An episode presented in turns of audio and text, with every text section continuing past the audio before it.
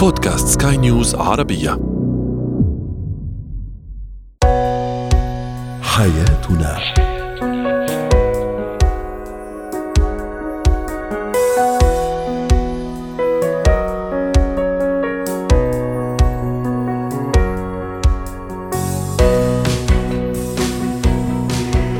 معكم آسيا البشارة أحييكم وأرحب بكم في حياتنا فضاؤكم اليومي الذي يناقش مختلف المجالات الاجتماعية التي تهمكم. طرق التعامل مع الشريك النمام تعليم الطفل الذكاء المالي وآداب مشاهدة المباريات في المنزل. هذه مواضيعنا اليوم يمكنكم الاستماع إليها وإلينا في أي وقت ومن أي مكان عبر موقع سكاي نيوز عربية ومختلف منصات البودكاست. وهي.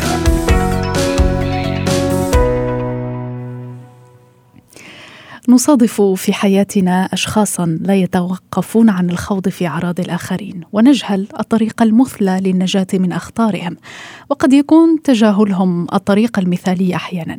لكن ماذا إن كان زوجك نمام أو زوجتك نمامة تتشاركان الحياة بكل تفاصيلها؟ هنا تكمن المعضلة. تنضم إلينا الآن الاستشارية النفسية والأسرية الدكتورة حنان نجم. أهلا بك دكتورة آه، حنان.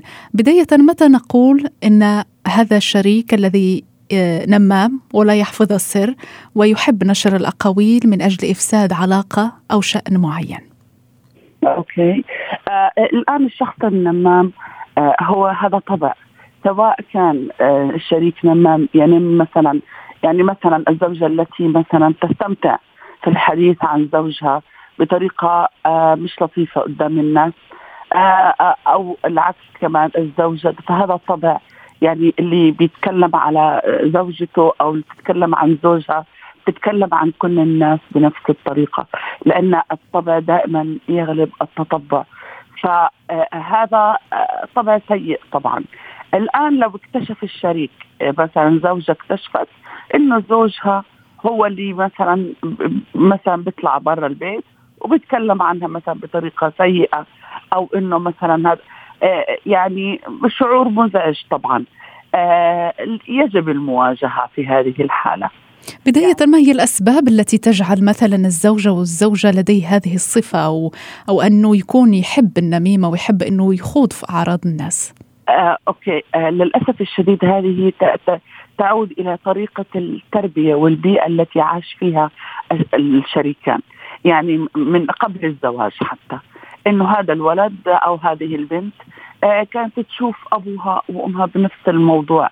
إنه الحكي آه، الزياده استمتاع. في ناس تستمتع لما تخوض بأعراض الناس. أو إنها مثلا تتكلم على أحد. بيصير عندهم حالة من حالة زي النشوة الغريبة إني أنا قاعد بتكلم عن الشخص فلان يعني أبين إني أنا أنا بعرف كل شيء إنه أنا مثلا آه، آه، يعني آه، بيعطيه نوع من أنواع الثقة بالنفس أو الإحساس يعني بشعر بسعادة وهو بيتكلم على الناس. المشكلة في المتلقي. هنا آسيا. المتلقي لما أحس إنه الإنسان اللي قدامي بيعطيني هذيك المساحة للاستمتاع واني إنه يسمعني أكثر أوكي؟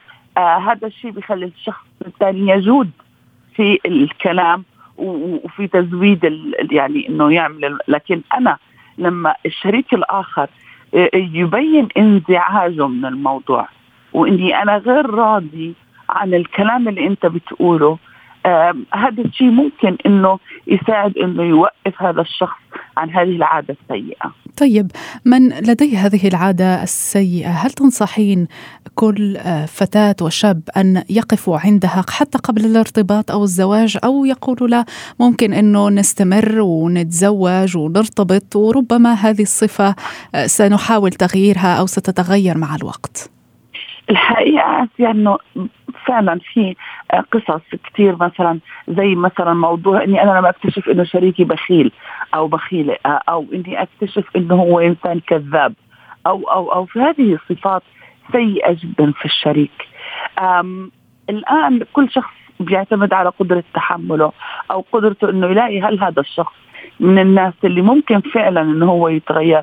لكن للأسف الشديد أنا بقول إنه من البداية لو لاحظت إنه هذا الشخص أو هو لاحظ إنه هذه الإنسانة لديها هذه العادة السيئة من قبل الارتباط انتبه لها.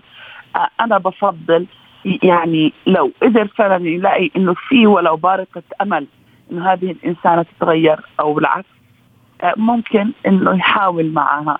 لكن أنا بفضل بهذه الحالة الابتعاد لأنها عادة سيئة جدا متعبة الشخص النمام صعب الارتباط به بكل الأحوال وخاصة إنه بنتكلم على بيت ومثل ما بنقول يعني البيوت أسرار. أسرار هنا هل يجب أن نشارك أسرارنا مع هذا الشخص النمام إلى حين تبطل هذه الصفة رغم أنه الأساس في العلاقة يعني أن لا يكون هناك أسرار بين بين الشريكين. يعني يجب كل شخص أن يكون أهل للثقة لتحكي له أشياء وما تلاقيها خرجت لبرا أو بيخوض في مواضيع ربما خاصة جدا بك كامرأة أو بك كرجل تلاقيها خرجت لبرا. هذه هذه مشكلة فعلا. الآن يعني آه، في الحقيقة سواء الزوج أو الزوجة يتجنبوا إنهم يتكلم يعني تقول له مثلا أي قصة ريليتد آه، لناس هي تعرفهم يعني هي عارفة إنه زوجها عنده هذا الطبع آه مثلا عن صديقاتها عن الناس المحيطين فيها اكتشفت إنه أو عارفة إنه هو عنده هذه العادة وخلص صاروا متزوجين وفي أولاد وفي حياة زوجية. في الدرجة الأولى إنها تتجنب إنها تتكلم عن أي قصة تخص الناس المحيطين فيها. طيب لو قلت لي الآن حيتكلم عنها هي إنه هو طبعا لأنه بطبعه أو هي مثلا أو العكس أو هي بطبعها تتكلم كمان عنه مثلا آه يجب المواجهة في هذه الحالة وتتكلم معاه أو يتكلم معها إنه رجاء اللي في البيت بيضلوا بالبيت آه الموضوع استمر يجب تدخل أحد من الخارج في إنهاء هذه العادة السيئة آه، الموجودة بينهم. هذا الموضوع جدا صعب آه، يعني وجوده في أي آه، حياة يعني بين حتى الأصدقاء. لما أكتشف أنا عندي صديقة نمامة كمان. صعب الصديقة ممكن أنا أتخلص وأبعد لكن الزوج والزوجه هذول في بينهم حياة زوجية رباط مقدس في أولاد في كذا. يبقى أنا لازم أدخل ناس في الموضوع تحاول تخفف أو تحاول إنها تنهي الموضوع هذا. طيب لكن هناك يعني قد يكون هناك خط فاصل بين النميمة وإنك تطلب استشارة وتحكي قد يكون عندك صديقة أو صديق تحكي له من باب الاستشارة في أمور معينة فتكشف له أمور. أتوقع أنه هذا الأمر آه، عادي نوعا ما. نوعا. طبعا. هلا في فرق بين إني أنا أطلب المساعدة من أحد لأني أنا قاعدة عم بتعرض لمواضيع مش عارفة أخذ فيها قرارات سليمة لكن أتجه للشخص الصح. يعني استج... يعني مثلا أنا عارفة إنه هذه الصديقه حكيمة عارفة طبعها عارفة إنها إنسانة لا تفشي الأسرار أعرف أشياء كثيرة. قبل ما أنا أتكلم عن حياتي الخاصة أوكي؟ له... لهذا الشخص. آه هذا موضوع مختلف تماما. لكن إني أنا أستمتع خذي بالك برضو آسيا. نعم. موضوع النميمه هو شخص الإنسان يستمتع في إنه يتكلم آه عن عن الأشخاص. يعني مو بس يعني بتلاقي الست تستمتع في الحديث عن زوجها عن صديقتها عن, عن هذا طبع هذا طبع صحيح. فهناك فرق واضح. يعني الفرق ربما أيضا دكتورة هو إنه نحكي للشخص بغرض نصيحة وحل امور ليس بغرض إفساد صورة شخص نعم. أو الحكي على أمور سيئة. صح. واختاري الشخص الصح. صحيح والنية كمان في الموضوع هل أنت تنوي شر أو تنوي خير؟ طيب متى يجب اللجوء إلى استشاري؟ ورغم أنه يعني الكثير من الناس أو أعتقد البعض ما راح يتقبل أصلا أنه تقول له إن أنت نمام لازمك تتعالج أو لازمك ربما تزور استشاري نفسي أو أسري. أوكي الآن صار عندنا وعي وادراك شديد جدا ملاحظة أنا بالمجتمع على هوا شغلي الآن إنه في ناس كثير الآن فعلا لما تحس إنه في عندها مشكلة مش عارفة تحلها أو بيحاولوا دائما يلجأوا لاستشاري متخصص. هذا يعتمد على وعي الشخص. آه، لما أنا أشعر إني أنا فعلا عندي مشكلة وبدها حل وأكثر من أحد نبهني إنه دير بالك اللي أنت عم تعمله هذا غلط. واكتشفت إنه فعلا عندها المشكلة فعلا المفروض إنه الشخص يتجه. لكن زي ما قلتي حضرتك إنه في ناس فعلا بتعتبرها لا أنا ما مالي إشي وأنا لا أنا كويس وأنا مش غلط وأنا وأنا. فزي ما قلت لحضرتك هذا بينبع من الشخص نفسه إنه لما يحس إنه يريد أن يتغير يريد أن يصبح أفضل. فللأسف يعني هذه شغلة كمان. أنا ليش بقول لك إنه نعم. شريكين بالذات لما يشعر إنه كل واحد إنه في شيء غلط لازم أنبهه. صحيح. ينبه ينبهها. استجابت أول مرة أو لم تستجيب بضلني وراء الموضوع. إذا أردت أن أحافظ على هذه الحياة الزوجية أنبه إنه هناك شيء غلط. ولازم تلج يعني تتغيري. صحيح وهذا دكتورة هو الذي يضمن استمرار هذا هذه الحياة وهذه الشراكة بين الطرفين. شكرا جزيلا لك الاستشارية النفسية والأسرية الدكتورة حنان نجم. زينة الحياة. تربية الأطفال ليكونوا أذكياء في التعامل مع المال هذا موضوعنا في فقرة الطفل يعني أنه الطفل يصبح يتمتع بوعي مالي. وطبعا إن كنتم مستمعين الكرام أسرة يعني تحدد أهداف مالية ولديها هذا الوعي ربما أيضا هذا سينعكس على أطفالكم ويقوم الطفل بالأمر آه، ذاته. لتأكيد هذا الأمر تنضم إلينا استشارية نفسية وتربوية الدكتورة ريم صابوني. أهلا بك آه، دكتورة ريم. بداية ما أهمية تعليم أطفالنا قيمة المال؟ نعم يسعد لي أوقاتك عزيزتي وجميع المستمعين الحقيقة أن الوعي المالي آه هو من أهم المواضيع. شكرا لطرحه طبعا في برنامجكم لأنه عادة لا يتم اكتسابه في المدارس. يعني هو عادة أمر يتم اكتسابه في الحياة. فإذا كنا نحن كأب أو كأم مش مدركين أهمية الوعي المالي أنه يبدأ منذ الصغر فعلى الأغلب لن يتم تعليم الطفل هذا الأمر. واضح. آه، كيف يبدا الوعي المالي منذ الصغر لأنه نحن إذا بدنا نحكي عن أهميته طبعا آه، المجتمع يتجه نحو الاستهلاك هنالك ضغوطات كثيرة حوالين الأطفال في الإعلانات ويشجعهم على الاستهلاك وعلى الحصول على ما يريدون من المغريات آه، حواليهم. فإذا أنا ما كنت أصلا من الأساس زراعة فكرة ان أن المال هو وسيلة لشراء الاحتياجات وهو وسيلة من أجل العيش وليس, وليس غاية في حد ذاته. نعم وليس كل ما اشتهيت اشتريت فهي هي القضايا هي هامة جدا أن نبدأ غرسها من سن الطفولة حتى المبكرة الخبراء يقولون أنه ممكن يبدأ الوعي المالي عند الأطفال أو, أو وعيهم نحو المال وأهميته بأنه وسيلة للحصول على ما نريد منذ السن الثالثة آه، ثلاث سنين أربع سنين إذا اصطحبنا أطفالنا نحو المتجر فعلى الأغلب راح. راح تكون طبعا تجربة هي قولا واحدا سيئة عن جميع الآباء لأنه هون راح يبدأ الزن والإلحاح أريد كذا أشتري لي كذا آه، أو آخذ من غير ما أعرف إنه أصلا أنا ما بصير آخذ من غير ما أدفع مقابله فلوس. فإذا من هون يبدأ آه، فكرة أو تكون الوعي المالي عند الأطفال. طيب أيضا ربما أيضا ربما دكتورة ريم أسفة على المقاطعة لكن أريد أن أشير إلى إلى نقطة مهمة وهي انه الأطفال يتعلمون كذلك بالتقليد. يعني إذا شاف يمكن الأب والأم دائما لما بيجيبوا فلوس بيخزنوهم في مكان وبيخبوهم فيمكن الطفل يشوف إنه هذا الأموال هي شيء يعني مقدس بشكل كثير لكن هناك الكثير يعني من الأباء والأمهات لما يدخلوا بيكون محفظة الأموال محطوطة والأموال محطوطة فوق في أي مكان يعني. نعم شكرا لذكرك. هاي النقطة آه، صحيح البيئة آه، معززة للقيم عند الطفل فإما أن تعزز قيمة آه، أهمية المال وأهمية ادخاره واستثماره وإما أعزز فكرة أن الأموال موارد متاحة. غير محدودة موجودة في كل مكان وخاصة إذا كنت أنا كأب أو كأم أربط دايما المعززات المعنوية أو المعززات المادية من خلال الفلوس من خلال النقود. يعني مثلا عمل عمل شيء كويس تعال خذ هي مية تعال خذ هي بغض النظر عن عن ذكر العملة يعني.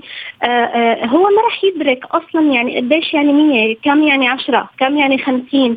فإذا كنت دايما أنا أربط أيضا هذا الأمر بالفلوس أو إنه أنا دايما سايب الفلوس هيك بكل مكان توقع مني مش عامل زي ما قلتي كمان أهمية وقدسية لأنه هي الأموال يجب أن تحفظ في مكان معين. هنالك حصالة أدخر فيها قدام الأطفال. آه هو السلوك لا يعني لا يتم أو الوعي المالي لا يتم من خلال فقط الحديث أو الحوار وإنما أيضا يتجسد بسلوكي أنا كبالغ. دكتورة ريم تحدثي عن نقطة الادخار. هل الطفل يعني يعي أهمية هذا الموضوع أو هذا المفهوم أنه يدخر المال؟ وكيف يمكن أن نشرح له معنى الادخار؟ نعم هو طبعا في البداية نشتغل على مفهوم الادخار قبل ما نشتغل على مفهوم الاستثمار. في البداية يجب أن يعي الطفل بأنه آه، أنا مثلا معي مبلغ من المال آه، بمجرد ما يكون معي هذا المبلغ الطفل بكل آه، يعني عفوية وبراءة رح يصرفه. فمن المهم جدا أني أبدأ أن أحدث الطفل بأن هذا المال الذي معك الآن مثلا هو سيكفيك لمدة أسبوع على سبيل المثال. فأنت المفروض خلال هذا الأسبوع تشوف إنه أنا مثلا كل يوم كم ممكن أصرف من مصروفي الشخصي. طبعا في البداية الطفل رح يصرف المصروف وهذا شيء مؤكد آه، في أول يوم أو يومين أو ثلاث على أحسن تقدير. بقية الأسبوع المفروض إنه أنا آه، أسيبه طبعا يعمل هذا الغلط علشان أقول له فيما بعد أنت صرفته بأول يومين أو ثلاثة فاذا أنت لم تقم بعملية ما تسمى بالادخار. تعال أعلمك كيف ممكن نحن هذا المصروف نقسمه على أيام الأسبوع. ومن الخطأ إذا نقص المصروف إني أنا اعوضه لأنه أنا هون إذا عوضته هو حيحس إنه عادي ما في مشكلة. صحيح. أنا بصرف الفلوس فبابا رح يعوضني بكل يعني آه، كل الحالات. بالضبط. فاذا لا أنا حأتركه يغلط عشان فيما بعد آه هذا الغلط رح يحسن قراراته المالية رح يحسن وعيه المالي بأنه أنا في معي مبلغ من المال أستطيع أن أقسمه على مدار الأسبوع وأيضا من الضروري أنه كمان أستخدم بعض الألعاب بعض الجداول أعلمه أنه كيف ممكن آه, آه، مثلا أشيل جزء من الفلوس أحطه بالحصالة.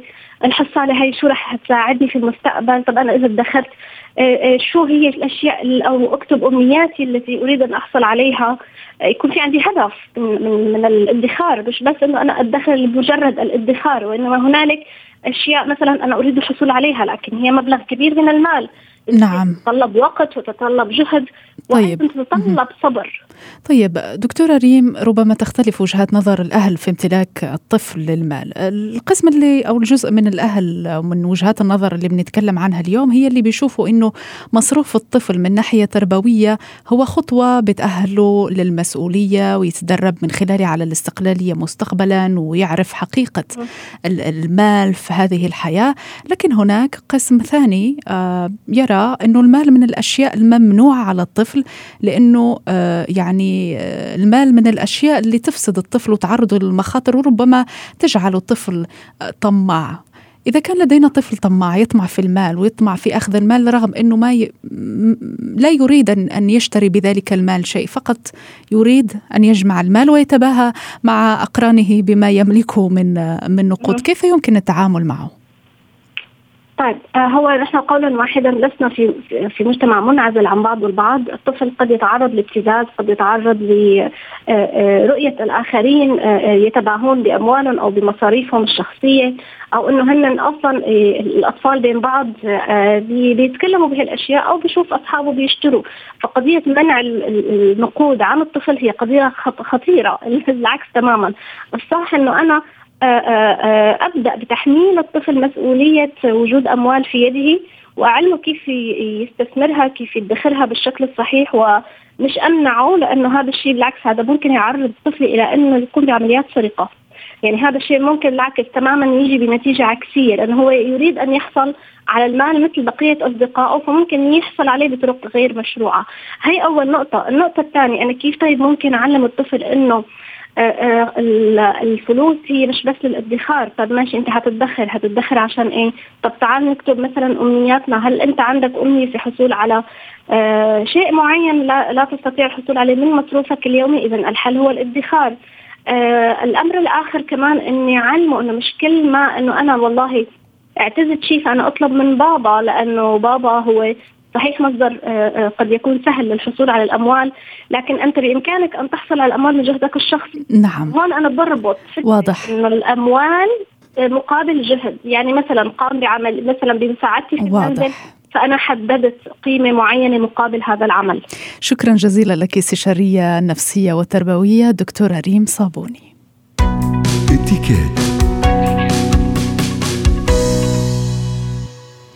تنضم إلينا الآن خبيرة الإتيكيت الأستاذة كارمن الحجار. أهلا بك كارمن. سألنا متابعين على السوشيال ميديا يوم أمس عن الأداب التي يجب احترامها أثناء مشاهدة المباريات في المنزل. بعض التعاليق كانت في محلها البعض كان طريفا. مثلا أدم يقول ألا تدخن إن خسر فريقك ولا تستخدم الألعاب النارية في حالة فوزه. رشيد يقول تخيل يكون نهائي دوري أبطال أوروبا وتكون الدقائق الأخيرة وقتها متوقع يكون في آداب أحسن شيء تعمله تهرب لأنه أي شيء ممكن تشوف أو يشوفه الواحد قدامه يكسره وأحمد يقول أنه الأدب هو أن لا تشاهد المباريات في المنزل مع العائلة أصلا، لكن طبعا قد تتفقين أستاذة كارمن انه الوضع ربما وفي ظل جائحة كورونا حتى مع الكثيرين أن يشاهدوا فريقهم المفضل في المنزل. حديثين عن خصوصية المكان والزمان المناسبين لمشاهدات المباراة في في المنزل. مساء الخير لك ولكل المستمعين. طبعا مش غلط ابدا إنه نحضر المباراه حتى لو كان نعم. ينتمون إلى الفريقين. ضد ناس مع هذا الفريق وناس مع هذا الفريق. أهم شيء آه، هون طبعا تتجلى أخلاقياتنا. بدنا نتمتع بالروح الرياضية. الروح الرياضية يعني صفات نحلها خاصة لما نخسر وهي القدرة على تقبل الخسارة نعم نتحدث عن آداب يعني مشاهدة المباريات في المنزل معك الخبيرة خبيرة الاتيكيت أستاذة كارمن حجار تحدثي عن أهمية يعني التمتع بالروح الرياضية قبل كل شيء قبل اختيار المكان ربما والزمان المناسب لمشاهدة المباراة داخل المنزل. أين نشاهدها؟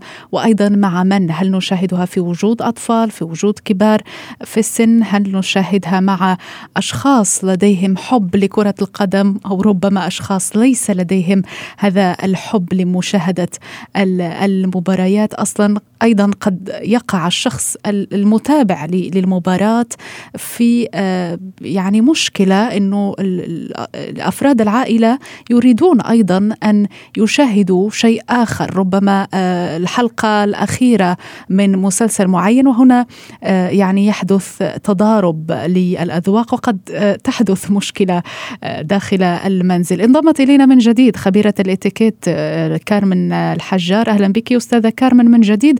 كنت تتحدثي عن ضرورة أو أهمية التمتع بالروح الرياضية قبل الحديث عن أي شيء أو عن أي إتيكيت ثاني أثناء مشاهدة المباريات داخل المنزل. بالفعل هي الروح الرياضية يعني القدرة على تقبل الخسارة، ضبط النفس، أخلاقيات عالية، احترام الآخر، سلوك حضاري لازم الأهل يزرعوها عند الأولاد وهن صغار يعلمون كيف يربحوا وكيف يخسروا.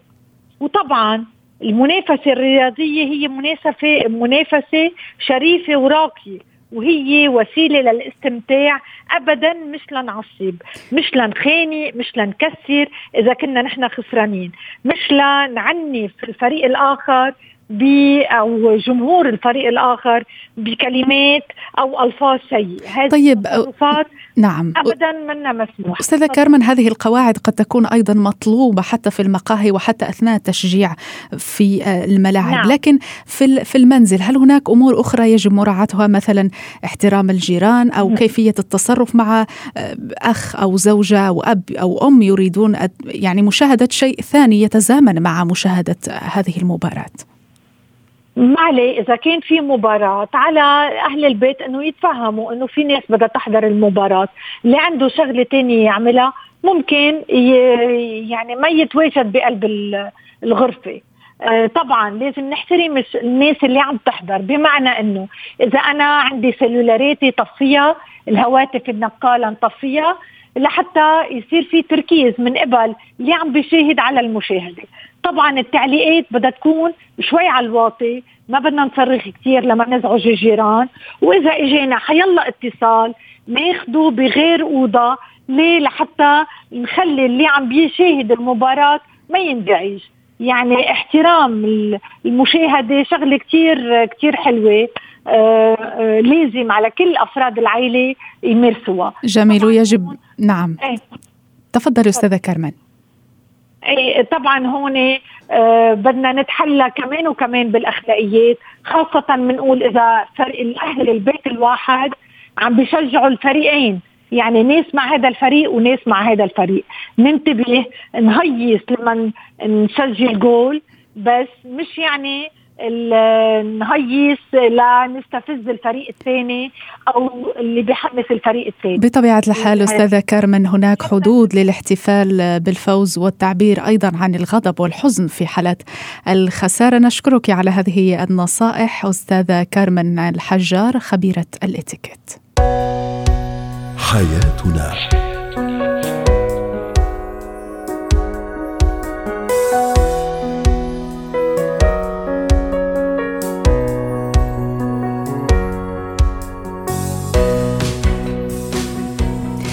ختام حياتنا إلى اللقاء.